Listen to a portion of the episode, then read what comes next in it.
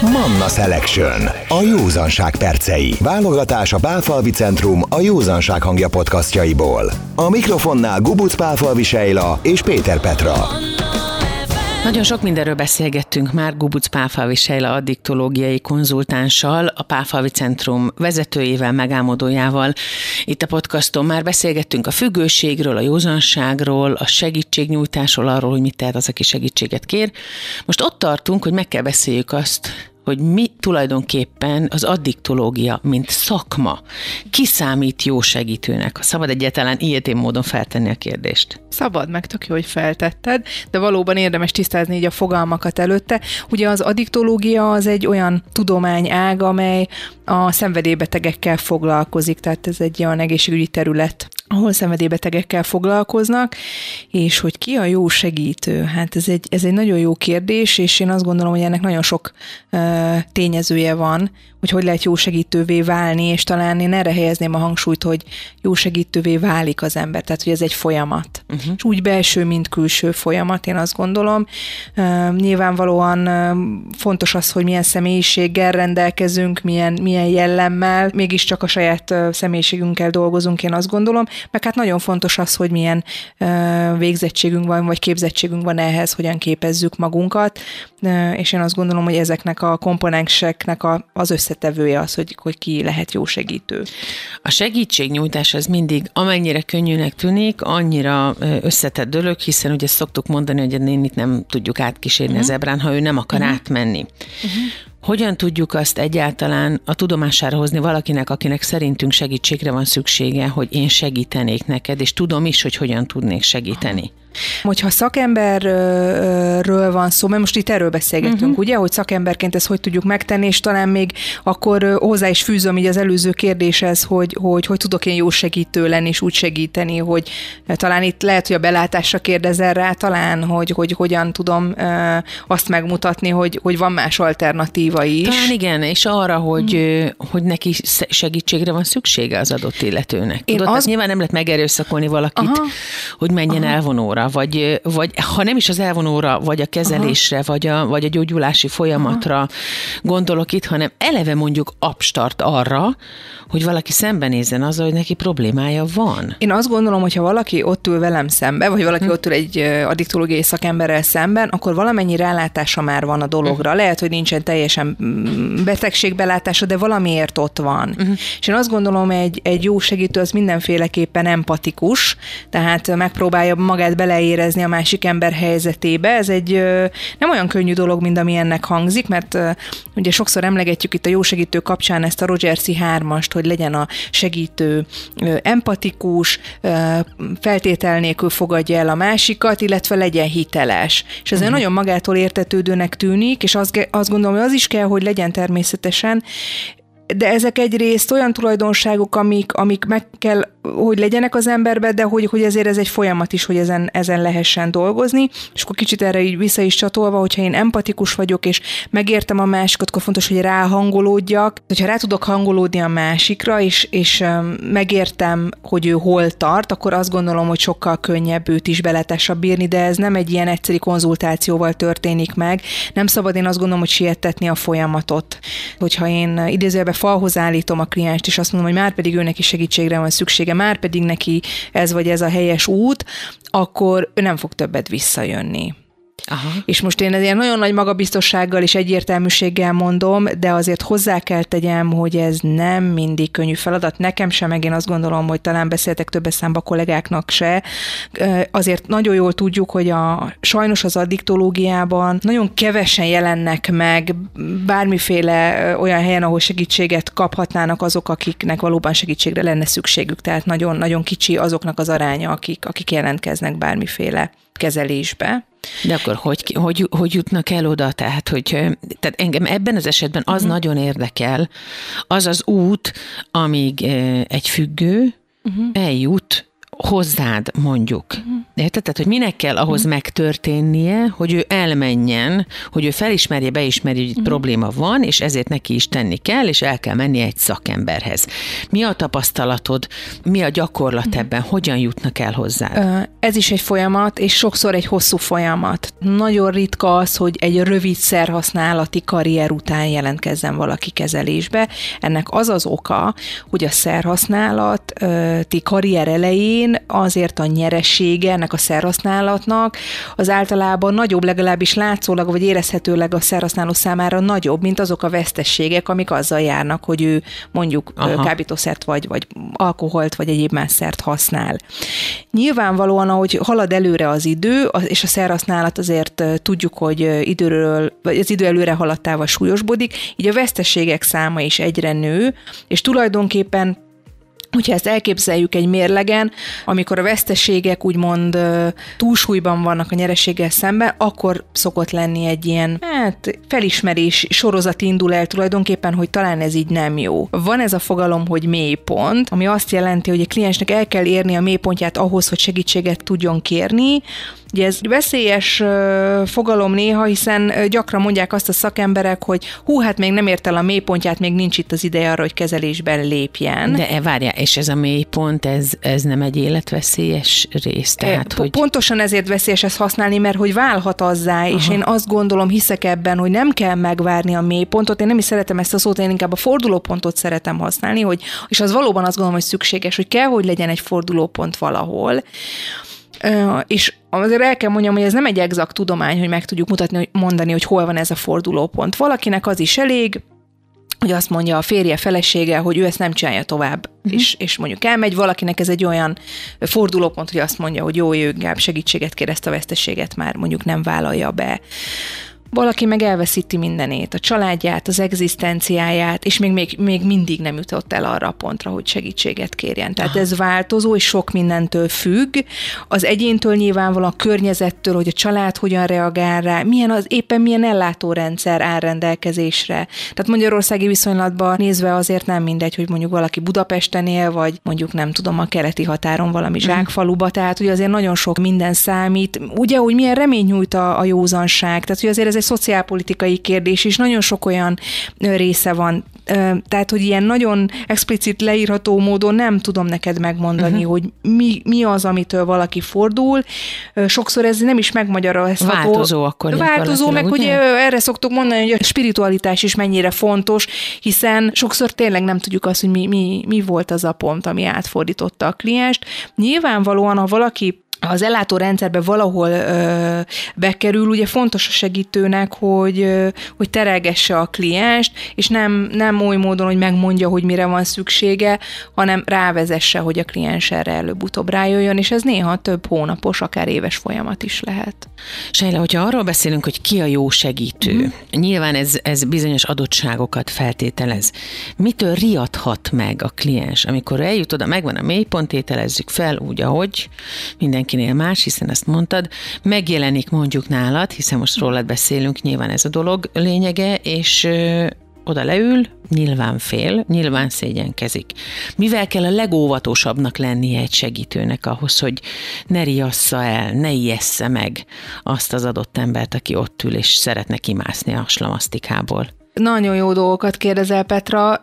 Most is keresem erre a szavakat, mert hogy ez nekünk alkalomról alkalomra ez egy kihívás, hogy úgy empatikusnak maradni, és úgy megérteni a klienst, hogy közben ne váljak cinkosává a függőségének, Aha. és ne ígérjek neki olyat, amit, amit ne ígérjek neki könnyű megoldást. Aha. Ugye? Mert hogy a függőségben a szerhasználat mindig könnyű megoldást ígér. Tehát mondjuk, ha az alkoholnál maradunk, az alkohol az azt ígéri, így áll meg, pár másodpercen vagy pár percen belül jobb lesz. Uh-huh. Ugye egy segítő nem tud ilyet ígérni. Ha valaki könnyű megoldást ígér, akkor az valótlan állít. Én azt gondolom, hogy van megoldás, de, de hogy ez egyáltalán nem könnyű. Ez ijesztő tud lenni, amikor arról beszélgetünk, hogy ebben mennyi energiát vagy időt kell tenni valakinek, uh-huh. hogy szembenézzen a szerhasználatával. Mi az, ami a praxisodban előfordult, és a leginkább riasztó volt a kliensek számára? Tehát mondjuk, hogyha valaki leül veled szemben, és akkor meg kell beszélni egy csomó mindent, akár első, akár második alkalommal nagyjából egy segítőnek, hogyha vázolnia kell azt, hogy min fog keresztül menni az illető, biztos, hogy igényük van rá. Hogy tudják, hogy mivel kell szembenézniük, mi vár rájuk, mi az, ami a legijesztőbb szokott lenni számokra, ezt ilyet meg tudtatok-e figyelni? Ö, igen, most eszembe jutott is egy történet, először elmondanám ezt, uh-huh. jó, és akkor hogy így mentén talán így ez, ez könnyebben érthetővé válik. Pár évvel ezelőtt jött hozzám egy, egy kliens, magas egzisztenciával rendelkező. Az életben egyébként így a mindennapokban jó funkcionált, illetve hát már érezte, hogy ezek a funkciók romlanak, hiszen a, a, az alkohol használati problémája olyan méreteket öltöttek, hogy már napközben, munka közben is ivott és amikor eljött hozzám, akkor elmesélte, hogy ő már több éve jár uh, pszichiáterhez, de hogy hát ő neki, ő neki nem sikerül, nem sikerül erről lejönni. És kérdeztem tőle, hogy hát mit, mit csináltak az elmúlt pár évbe. És akkor ő elmondta, hogy x időnként elment a, a pszichiáteréhez, aki, aki elmondta, hogy uh, hát kevesebbet kéne inni. Na most egy alkoholfüggőnek azt mondani, hogy ilyen kevesebbet, hát nem tudom, de nem, tehát azt gondolom, hogy lehetetlent kérünk ilyenkor hát tőle. Meg ehhez nem kell pszichiáternek lenni, hogy ezt mondjuk, hogy figyelj, jobban akarsz lenni, így kevesebb. Mm, így van, ez semmilyen szakemberi végzettség Igen. nem kell ehhez. És akkor elmondtam, hogy akkor hogy dolgozunk mi, és hogy, hogy abszinenciára építünk, ami ugye azt jelenti, hogy, hogy az alkohol ivást azt el kell hagynia ahhoz, hogy egyáltalán a felépülése megindulhasson. Ez nem azt jelenti, hogy nem fogadjuk el, hogyha ő megcsúszik, vagy, vagy annak visszaesései, mert mert hogy ez, ez előfordulhat, és akkor ilyenkor van segítjük abban, hogy ez ne forduljon elő többet, vagy megnézzük azt, hogy hogy lehetne másképp csinálni a dolgokat, de hogy ez az alap, amire építünk, tehát nem várhatom el tőle, hogy ő kevesebbet, és akkor majd abból valami változás legyen. És emlékszem, hogy ez a, ez a kliens végighallgatott engem, elmondtam, hogy akkor mi hogy dolgozunk, milyen elvek alapján, mik lennének azok a felépülési programelemek, amiket én ajánlok neki, és rám nézett, elmosolyodott, és azt mondta, hogy Sejla, nekem ez egyáltalán nem szimpatikus, amit maga mond, de én ezt megpróbálom.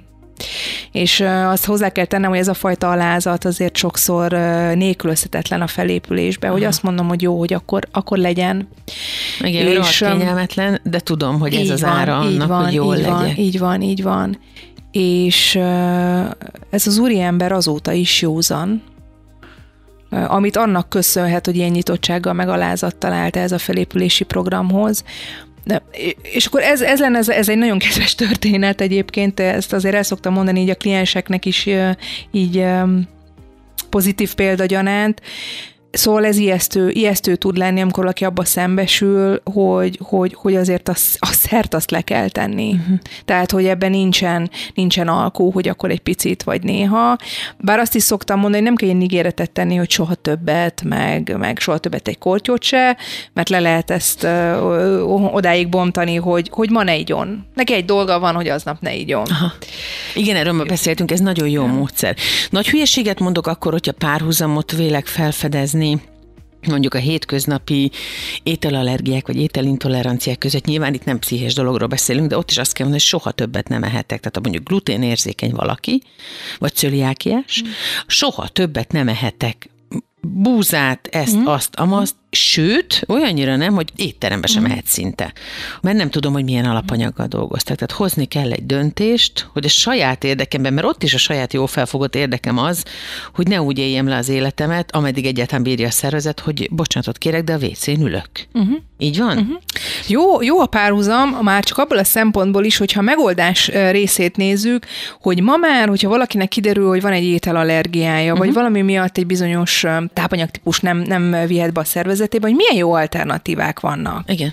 Tehát, hogy nekem volt szerencsém már nagyon finom olyan süteményeket enni, amiben se cukor, se glutén nincs, és tényleg nagyon, nagyon jók voltak. Észre se veszi az ember. Így van. Tehát, hogy nem, ez nem azt jelenti, hogy az élvezeti érték örökre elvész az ember életéből, illetve egy másik jó kis példa eszembe jutott erre, hogy pár nappal ezelőtt voltunk vacsorázni a férjemmel egy nagyon jó kis étterembe, ahol nagyon finom borokat is szolgáltak föl, és én jeleztem a pincérnek, hogy én a fogásaim mellé, mert ez egy ilyen hatfogásos menü sorozat volt, én nem kérnék bort, hogy mit, mit tud ajánlani, mint alternatívát. Aha. És nagyon meglepődtem, pozitívan csalódtam, mert nem azt mondta, hogy igyak vizet, vagy nem tudom, hoz nekem egy jaffát, jaffát mondjuk, hanem azt mondta, hogy minden fogás mellé olyan alkoholmentes italkombinációkat fog hozni, ami az ételhez illik.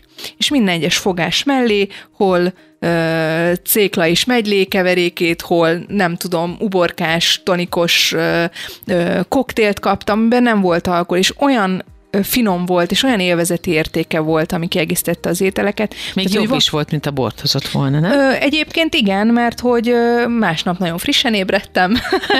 úgyhogy, úgyhogy én azt gondolom, hogy van alternatíva, ami azért nehezen elhihető akkor, amikor, amikor ezen az úton el kell indulni, de szerintem ez tud lenni a legijesztőbb. Aha. És szerintem sokan ezért ockodnak egy ilyen, ilyen kezeléstől, hogy ijesztőnek, tudni, ijesztőnek tudhatni, hogy akkor még azt az egy dolgot is elveszik tőlem, ami, ami összetart engem a mindennapokba. Amikor oda jut már a kliens, hogy elindul a felépülési folyamat, akkor nyilván nem csak addiktológus dolgozik velük, igaz? Hm. Nagyon jól mondod, ugye ez egy multidisziplináris ág, ami, ami annyit jelent, hogy sok tudományágat vagy sok szakterületet ölel fel. Tehát, hogy ez ilyen one man showként nem működik. De több irányból van megtámogatva Így dolog, van, igaz? így Másképp nem is működik. Uh-huh. Tehát, hogyha belegondolunk a szerhasználatba, az, az is, annak is csak az alkohol az egyik tényezője, de hogy nagyon sokféle más életterületet érint a függőség. Ugyanúgy, amikor valaki eljön hozzánk, nyilvánvalóan az első találkozó az állapotfelmérés során csak velem találkozik, hiszen ott más szakemberre első körben nincsen szükség, és nyilvánvalóan az alapján, az állapotfelmérés alapján ö, tudom azt eldönteni, hogy milyen más szakember bevonására van szükség. Nagyon gyakran előfordul az, akár abból adódóan, hogy már olyan szövődményei vannak a szerhasználatnak, olyan egészségügyi tünetek jelennek meg, hogy orvos kollégákat kell még bevonja, vannak, legyen az egy pszichiáter szakorvos, belgyógyász, kardiológus és a mhm. többi, hogy nyilvánvalóan, hogyha a felépülési programunkhoz csatlakozik, akkor ott meg eleve egy csapat foglalkozik vele. Az imént említett kollégák ugye a kórházi programunkban folyamatosan jelen vannak, és aztán nagyon fontos, hogy addiktológiai konzultáns kollégáim, szakpszichológus kollégáim, saját élményű felépülő, szociális munkás kollégáim akár, tehát hogy ők mind-mind jelen vannak. Sejle, még végezetül annyi, ami még fontos, hogy, vagy hát legalábbis nem tudom, benne van a fejemben, szerintem másnak a fejébe is. Sokszor szokták mondani például, amikor valaki megpróbál leszokni a cigiről, hogy igyon vizet. Volt egy időszak, amikor ez volt a divat, ez a módszer, hogy minden egyes alkalom, amikor ágyújtana, tehát nagyjából egy órában úgy négyszer meg kell inni egy deci vizet. Tehát, hogy legyen nála vagy egy kortyot csak, uh-huh. vagy kettőt, hogy ez a bizonyos orális fixáció legalább az a része meg legyen etetve, vagy hogy az, uh-huh. az ki lehessen pipálni. Ez létezik az alkoholfüggőségben is? Hogy val- valami más, tehát akkor iszogasson akármit, vagy, vagy arról az egészről le kell kattintani Nem. az agyat? Én azt gondolom, hogy létezik, csak ugye vigyázni kell, hogy mi az a, az a pótlószer, ami, ami ilyenkor bejön. Nagyon sok... De gyakori, hogy van? Gyakori, nagyon sok felépülő függő beszámol például arról, hogy az édesség iránti vágyuk megnövekszik. Aha. Hát mert ad, ad egy kis Hát jutalmazó központnak, hogyne, hogyne, azért az is valami plusz. Gyakran beszámolnak arról, hogy a sóverges csökkenti, ezért soha senkit nem szoktam az édességről letiltani, Aha. és azt mondani, hogy akkor nem. Nyilván figyelni kell, mert hogyha a függősége utat tör magának, és az édességen keresztül ugyanazt a fajta végletességet ö, ö, hozza ki az emberből, mint mondjuk az alkohol, akkor, akkor nyilvánvalóan annak meg lesznek a negatív következményei, tehát itt azért oda kell figyelni, hogy mondjuk ne egy üveg magyarókrémet tegyek meg reggelire, de, de én azt gondolom, hogy főleg az elején ahhoz, hogy a sóvergást tudjam csökkenteni, néha ilyen dolgok is megengedettek. Persze próbáljuk a felé terelni a, a klienst, hogy sóvárgás esetén azért sokféle más technika, akár a sport, akár valamilyen, nem tudom, lehet ez tánc, vagy éneklés, vagy bármi, ezt személyre kell szabni, mert most lehet, hogy a hallgatók egy rész, hogy fogja a fejét, hogy atya Isten, hát én ilyet amúgy sem csinálok, de hogy azért azt megnézzük, hogy hogy, hogy személyre legyen ez szabva, hogy azt szoktam mondani, hogy egy ilyen, ilyen felépülési menüt kínálunk, abból, uh-huh. abból azért lehet válogatni, mindenki kiválaszthatja, hogy mi az, amit kipróbál. Manna Selection. A józanság percei. Válogatást hallottak a Pálfalvi Centrum a Józanság hangja podcastjaiból. További információért látogasson el a Manna FM honlapjára vagy Facebook oldalára.